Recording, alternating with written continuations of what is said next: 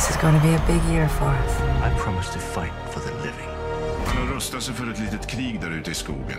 What is the budget for our show? Smaller than it was. Yeah, not, not big enough.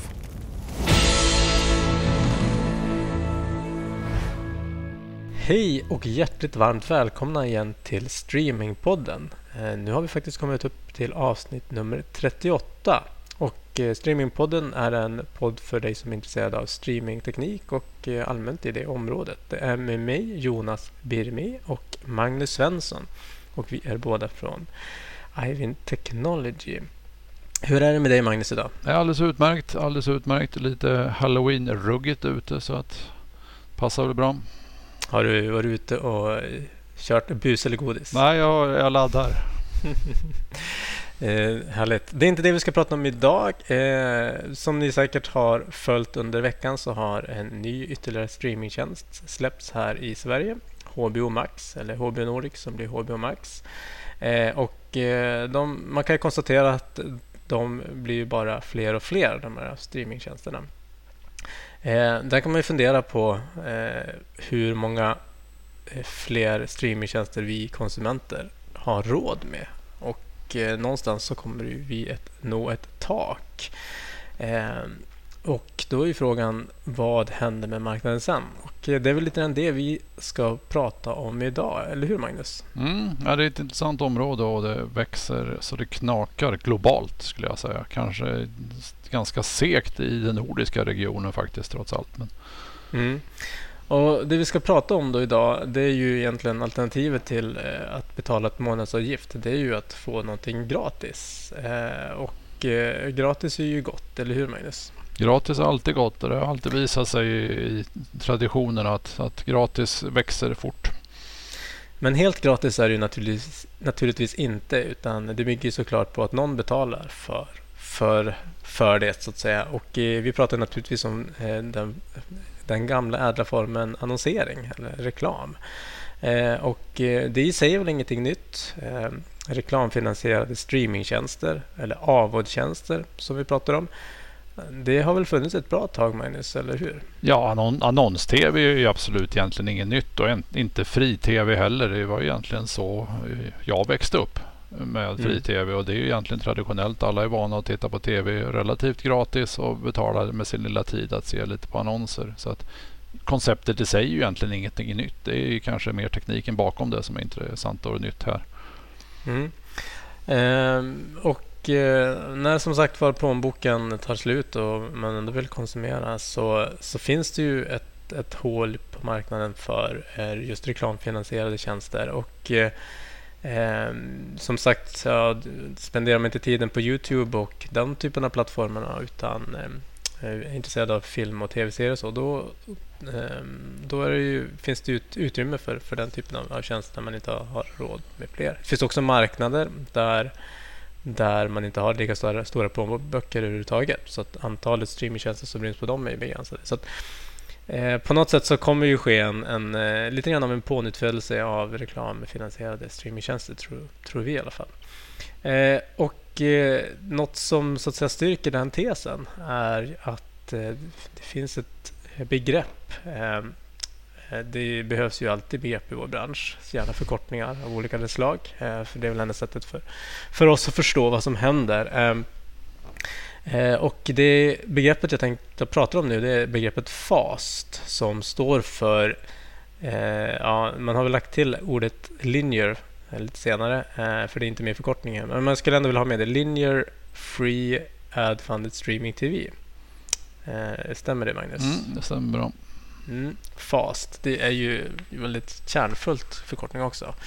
Eh, men då är ju frågan, vad skiljer FAST-tjänster eller Free Ad Funded Streaming TV då? Som, som man väl kan förenklat förklara som streamingtjänsternas motsvarighet till eh, reklamfinansierad tv, linjära tv-kanaler.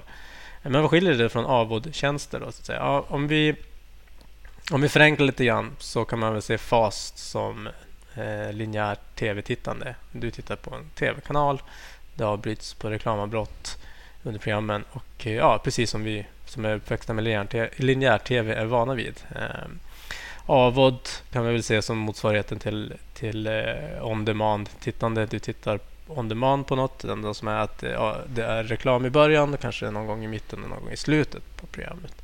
Så för, för definitionens skull så kan vi hålla det till det. Då. Ehm, sen så fly, kommer de här sakerna att flyta ihop. Kommer vi se lite längre fram. Men om vi börjar i ändan då, Magnus, med att förklara då vad, vad är då de här äh, Linear Free Ad Funded Streaming TV för någonting. Eh, man kan väl börja med i eh, teknikändan, för det är en kombination av teknik och affärsmodell kan man säga. Om man börjar i teknikändan så bygger det på att eh, eh, egentligen om, om, vi, om vi jämför med vanlig linjär eh, traditionell tv som, som du och jag är uppväxta med, då är ju reklamen sådan att den är, den är förbokad, den är förplanerad och eh, alla får samma reklam vid samma tillfälle när man tittar. Eh, stämmer det så långt, Magnus? Ja, så långt stämmer det bra. Eh, Medan i Fast, en Fast TV-kanal, den har en annan modell. Där har vi möjligheten att eh egentligen eh, väldigt nära inpå, eller millisekunder innan reklambreaket, då kunna avgöra vilken reklam som ska visas för dig och mig. Och eh, detta, tas, detta beslut tas av en eh, mjukvara, en eh, en, eh, som tar olika faktorer i beaktande. Allt från kampanjmål, pris till, till kanske vem och vilket typ av program det är som, som går på kanalen just nu. Eh, och det, det stora skillnaden där är att den reklamen som, som visas eh, internetvis är densamma. Eh, och eh, där är också modellen att eh, annonsörerna betalar bara för den reklam eh, som visas ehm, och inte man förbetalar inte utan det, det, blir verkligen exakt hur många visningar som man har. Och du kan även följa upp hur många som har tittat igenom hela reklamfilmen, hela den biten så att säga. Eh, så det är en helt annan form av ska säga, reklamaffär kring den linjära tv-kanalen. Så det är ena biten. Den andra biten det är att det, det har skapats möjlighet att eh, kunna skapa en linjär tv-kanal eller utifrån ett VOD-bibliotek. Det kan vara då AVOD-biblioteket som man har eh, där man har rättigheten att, att, att eh, distribuera det med reklam. Eh, som, som man då kan skapa en, en linjär tv-kanal upplevelse utan att behöva göra någon ytterligare videokodning.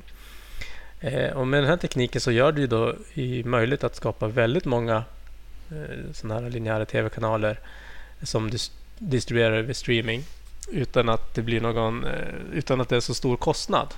Du kan, du kan i praktiken skapa ett hundratals kanaler till kostnaden av en, en vanlig traditionell linjär tv-kanal. Sen ska man veta om att den här tekniken har vissa begränsningar så att det inte är riktigt fullt jämförbart med en vanlig eh, tv-kanal. Eh, rent, rent vad du kan åstadkomma. Men, men eh, i, i mångt och mycket så i praktiken så är det, upplevs det väldigt likadant. Eh, så det är väl egentligen de, de tekniska bitarna, de tekniska förutsättningarna. Och eh, Det är väl de här sakerna som har föranlett att det har sprungit eh, upp en, den här typen av fast tv-kanaler i framförallt USA till att börja med. Eh, Pluto TV eh, är ju kanske ett namn som man känner igen i det sammanhanget som numera ägs av Viacom CBS.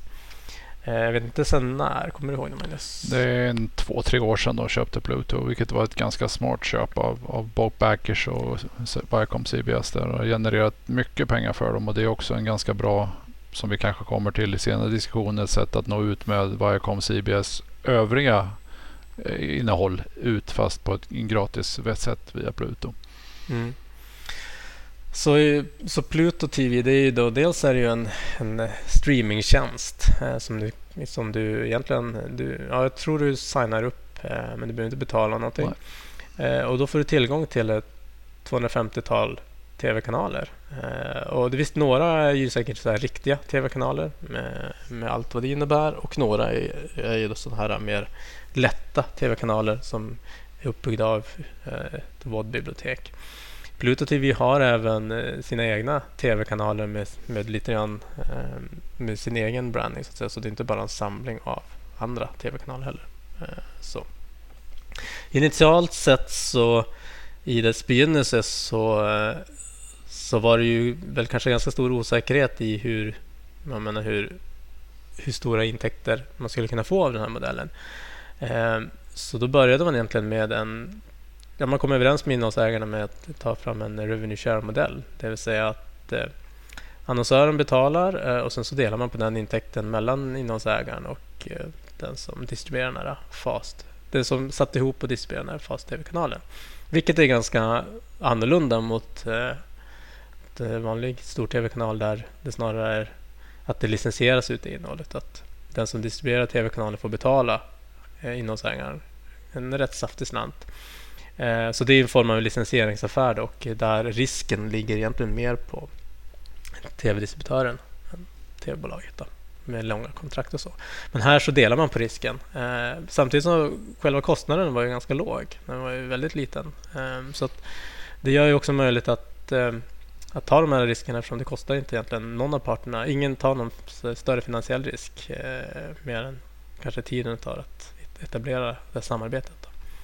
Ja, kostnaden, det... kostnaden är extremt låg om man jämför med att distribuera normala tv-kanaler som vi är vana vid. Så är här kostnaden egentligen kostnaden är redan tagen om man säger så genom att materialet redan ligger där färdigpaketerat och klart. Det enda man gör är egentligen att, att skicka ut det i en, en linjär form, en, en spellista. Mm. Och så Det som väl också är en stor skillnad från, från vanliga tv-kanaler det är ju att du når en global publik här precis som med vanliga stream, precis som med SO-tjänster så har du möjlighet rent tekniskt att nå en global publik, globala marknaden på en gång eh, utan att eh, behöva ha sändningstillstånd i olika länder och allt vad det innebär. Så det, det gör ju det väldigt lämpat för att just göra en, en, en, global etablering. Nu finns det ju såklart andra faktorer som bromsar det. Det kommer från rättigheter till, till allt möjligt sånt. Så att, eh, att det, eh, inte vi kanske har Pluto TV här i Sverige än riktigt. Eh, det, det förklaras nog med att det finns kanske inte innehåller tillräckligt många kanaler för att det ska så att så det finns fortfarande en, jag menar, vissa tv-kanaler är ju sådana som bara det finns kanske rättigheter för innehållaren att ha i USA. Alltså även AVOD eh, eller VOD-rättigheterna så att säga. Men det, det, är väl en tidsfråga kanske Magnus innan, innan det etablerar sig mer över världen. Jag, jag är ganska övertygad. Det, det, känns som att det går ganska fort. Pluto lanserade, jag tror det var Italien nu i veckan och de har redan spridit sig på flera marknader i, i Europa. Så att och det är inte bara Pluto, vi har ju även tv-tillverkarna såsom Samsung har sin egen Samsung TV Plus. Där egentligen tv-tillverkarna också försöker och de flesta av de här tjänsterna ligger ju antingen drivs av tv-tillverkaren eller ligger förinstallerade i din tv eller din streaminglåda. Så att du startar din nyinköpta tv, du trycker på kanalguiden och då får du ett, ett antal hundra kanaler det kommer tillbaka till det som du köpte en tv för att stoppa i antennkabeln och sen fick du tv. Det är lite samma tillbaka till det nu. Det är som enkelheten och att det är gratis och du har den här leanback-kurerade eh, möjligheten som, som inte finns i de traditionella AVOD och SVOD-tjänsterna. Och Sen så kan man väl tillägga då att man, till exempel Pluto TV men ändå, och även andra sådana här fast tv-tjänster de har ju, de har ju också on-demand möjligheter mm. i form av och då är det ju av, av en, en avod affär då, kring det. Men vilka tjänster finns det nu skulle vi säga, eh, Magnus, som är värt? Pluto TV har vi nämnt. Vad mer finns det? Ja, vi har ju Pluto och sen har vi ju Hulu till viss del har ju också en, en liknande variant. Eh, Roku är ganska stora. De har framförallt i USA men även i andra delar av världen kommer de också. De kommer ju förinstallerade på sin egen streaming device. Samsung TV Plus som jag nämnde är ganska stora. Vi har Tubi, vi har Xumi, vi har, vi har många tjänster som kommer. Och det finns ett antal intressanta nykomlingar slash gamla spelare i det här som heter om, om de som har varit i USA kanske kommer ihåg de gamla Redbox eh, holkarna som stod på köpcentrum och sådana saker där man bytte DVD-filmer i en, en automatisk liten låda. De har en, mm. de har en, en en fast nu som börjar bli väldigt stor. De har ju tecknat avtal med, med Lionsgate och Fox och flera för att distribuera deras innehåll i Redbox TV eller deras fasttjänst. Så att... För här börjar det bli intressant. Jag tror att man har en bild av, och så var det kanske ursprungligen, att det, det var något form av, det var mer slaskinnehåll Mm. som man la på de här kanalerna. Men, men så börjar det inte riktigt vara längre, eller hur Magnus? Absolut inte. Vi har ju, vi har ju liksom, eh, senast var ju då med, med Fremantle och deras eh, innehåll som, som de ser ju det som ett sitt nya sätt att nå ut med sitt innehåll. Så att liksom, det är absolut inte slask och vi har vi har ju till och med att det kommer premium och exclusive content i de här. Det var ju, eh, bland annat Roku köpte ju upp eh, de här gamla QB-materialet, det kortfilms, kortfilmsinitiativet. De köpte ju allt det materialet och bygger vidare på det som kanske är mer lämpat i en linjär, linjär följd. Så Mm. att eh, det är ju även jag ska säga premium content men även exclusives börjar komma på de här nu. Och, och Pluto är ju ett jättefint marknadsfönster för Viacom CBS hela katalog. Så att, Mm. så att, nej, jag skulle säga det finns väl både, både och. Och vad man förstår på de här tjänsterna så är det lite en så här breaking point någonstans. Hur många kanaler och hur mycket innehåll det måste ligga där för att fast paketera den så att säga som i Pluto eller eh, Samsung i det här fallet får tillräckligt med tittare och sen rullar det på. Sen Mm. tror jag det kommer till en punkt där det kanske finns för många. Liksom har man 250 kanaler som i Pluto-fallet, liksom hur, hit- hur hittar du det? Då kommer vi tillbaka till att Content Discovery börjar bli intressant igen. Mm. så att det, det, det är ju ett intressant koncept och det är absolut, jag skulle nog säga att det är både premium content men även kanske long tail content. Mm. Och sen kan det ju finnas eh, marknader där man eh, där det inte finns en möjlighet att betala för för eh, content. Mm. Om man tänker eh, Indien och så där, där, där Netflix till exempel har lite mer kämpigt. Mm. Det är ju definitivt. Det är ju, jag läste en artikel precis som Crackle TV. Det, jag tror inte riktigt vi känner till det. Det är ett amerikanskt, en amerikansk tjänst liknande här också. De ser ju sin stora marknad är ju utanför USA men då i Asien, i Indien och i Latinamerika, Sydamerika. Där Mm. de ser att de når ut med innehåll på ett helt annat sätt. Eller som där, där betalningsviljan eller betalningsförmågan inte är så pass stor så att Netflix och Disney är väl undantaget Indien kanske med sin Hotstar-variant som är en billighetsvariant av Disney+. Men i Mm. övrigt så är ju konkurrensen där är inte på samma sätt som i västvärlden där vi har SVOD-konkurrensen. Nej, det vi också ska komma ihåg här är ju att eh, det finns ju också mm, aktörer som som eh, egentligen inte, ja, inte traditionella tv eller mediebolag. Då, som, eh, vi har ett exempel då här i eh, Ubisoft då, som lanserar sin GTV.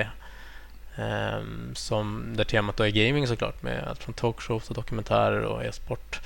Eh, som då lanseras på Samsung TV Plus i eh, Europa här. In, jag kommer inte ihåg, var Österrike, Mm. Tyskland, nej, Frankrike tror jag var med i den där listan.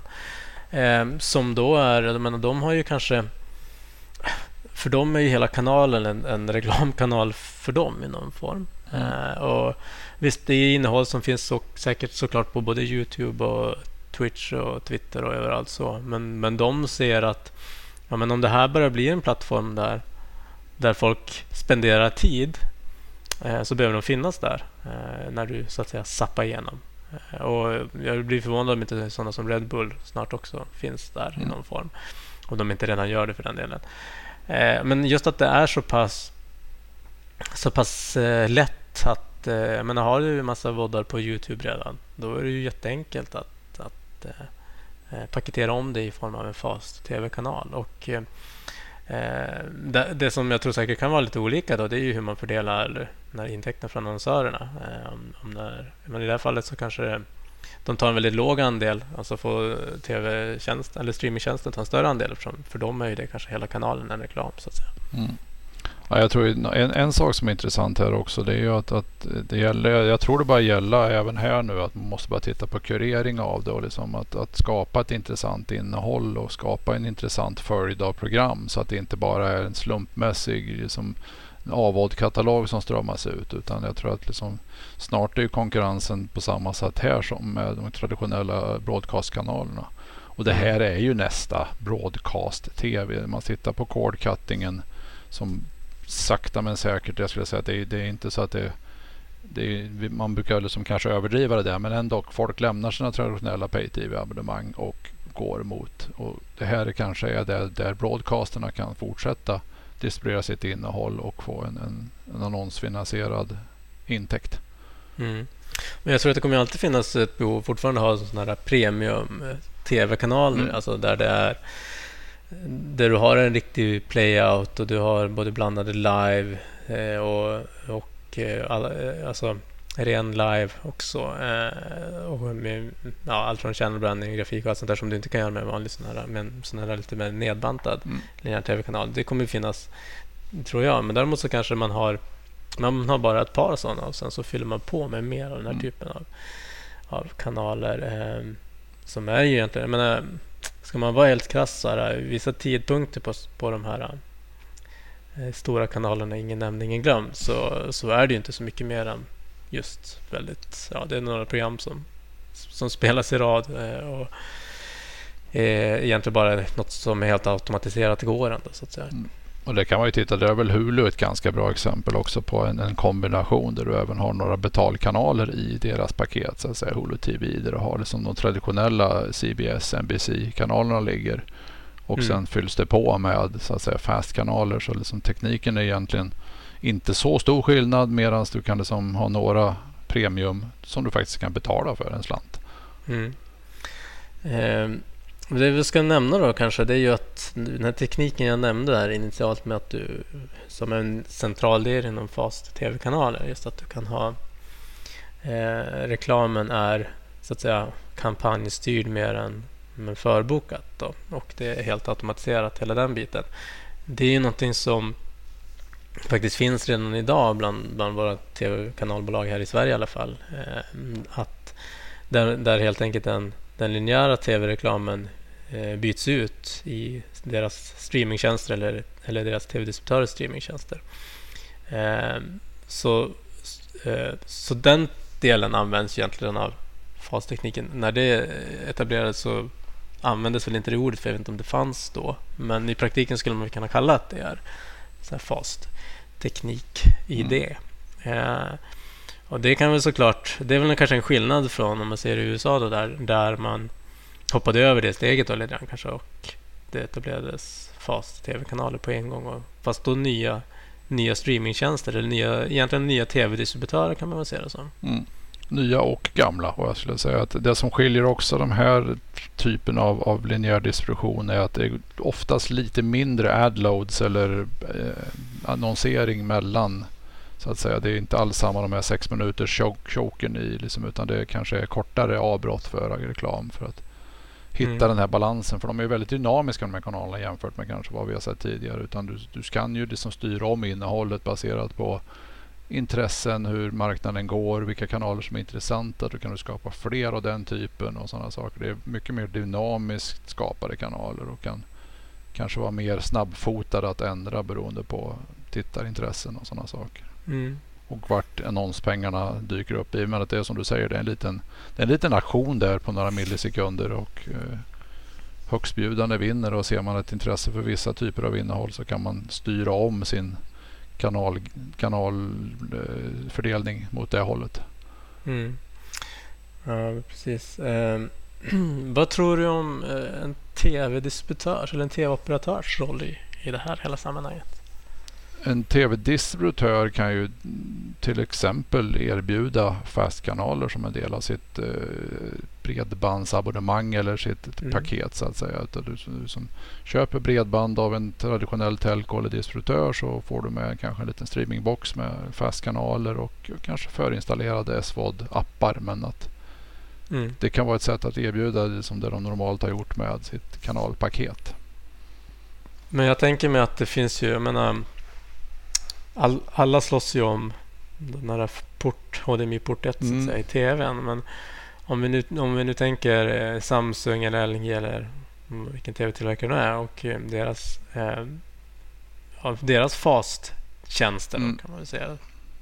Där du har du börjar ha ett, ett uppbud av, av tv-kanaler. Eh, kommer du behöva ha en tv-box från en tv-operatör då i frågan? Eh, kanske för vissa tv-kanaler då.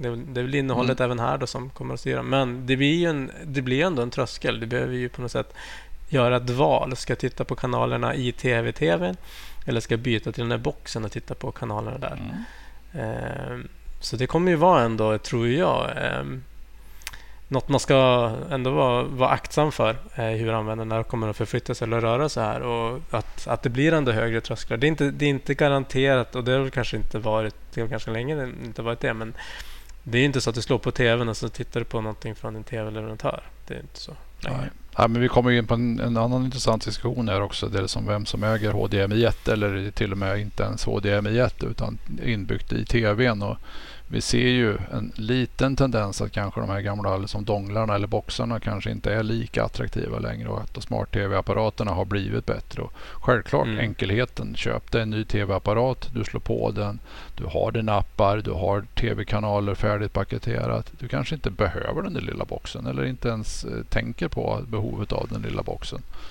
Mm. Så att det, det är ju egentligen som, som jag brukar säga, det riktiga streamingkriget ligger ju egentligen på tv-OS eller ditt, ditt, din hubb för tv-tittande. Mm. Och jag har väl mina funderingar på vilka som kommer vinna det tv-OS-kriget. Men att det, det, är ju där den stora fighten sker, liksom ägandet av klienten och, och tv-tittaren. Men hur länge tror vi att eh, traditionella tv-kanalbolag eh, kan vara utanför Samsung TV+, LG, Amazon Channels, alla de här? Eh, jag tror inte de kan vara utanför speciellt mycket längre. Det är inte med det sagt att den traditionella tv-distributionen och det traditionella tv-tittandet via kanaler kommer dö ut på en kvart. Jag tror att vi har pratat länge om att liksom mm. linjär tv är dött och det, jag tycker bara det här är en, ett skifte i det. Så att jag tror att väntar de för länge så kanske de hamnar utanför. Men att jag tror det kan vara ett komplement under många år framöver. Att de gradvis mm. flyttar över sitt innehåll till de här typen av distribution. Men att, in, att inte finnas där, det börjar väl snart vara... Det tror jag börjar bli tufft för då tror jag att du kan, du kan försvinna från många nya tittare som kanske mm. idag inte har ens startat med ett tv-abonnemang med tra i traditionell be, eh, benämning. Så att jag Nej, tror att vill du hänga med dem så tror jag det är dags att börja finnas på affärstjänsterna. Nej, precis. För det är det är som vi var inne på. Jag menar, det som är inbyggt i tvn. Det har, du säger att det är Samsung så är det Samsung TV Plus och sen så kanske du köper en box i form av en stickare eller Apple TV och då är det den fastjänsten som då kanske finns i den mm. eh, som gäller. Eh, vad nu det må vara. Men eh, alla de här har ju sina. Eh, det är ju, det, jag menar, Apple TV Plus har ju redan några kanaler. Mm. Eh, och det skulle väl inte förvåna mig om att de att det kommer fast, eh, fast tv-kanaler där eh, i större utsträckning Absolut också. Inte. De, de, de, smyger ju sig in i sitt tv-tittande så jag får ju liksom pling när något SVT-program jag tittade på nyligen släpper en ny variant. Liksom. Det får jag av Apple. Mm. Så, att, mm. så att absolut, jag tror att det är, man pratar mycket om cord cutting och att folk lämnar sina tv-abonnemang men pratar inte lika ofta om, som jag tror nästan är faktiskt ännu viktigare, de som aldrig startar någonting. De som växer upp mm. idag och aldrig startar någonting de kanske inte ens tänker på att de inte saknar de traditionella broadcast och tv-distributörers kanaler. Mm. Så att vill man synas även hos den yngre generationen så tror jag det är dags att börja titta på de här. Men det finns också en annan kanske utmaning i det hela. Eh, och det kanske kan berätta om hur de, hur de diskussionerna går. Men det finns ju såklart, det kommer ju alltid finnas någon jurist som funderar på okay, vilken tv-rättighet eller vilken rättighet går det här under? Är det tv-rättighet eller är det en motsvarande eh, VOD-rättighet eftersom det är ändå ja, mm. det, är, det är streaming, distribution som är tekniken kring det som är väldigt lik som du distribuerar VOD. Alltså det har ju samma Ja, här finns det ju en, här finns det en, en, en hårklyveri. För normalt så har du ju om du köper en rättighet till en utspelning så gör du antingen det som ett, en live eller linjär tv-utspelning eller som en, en video on demand eller som repris som det kallades för.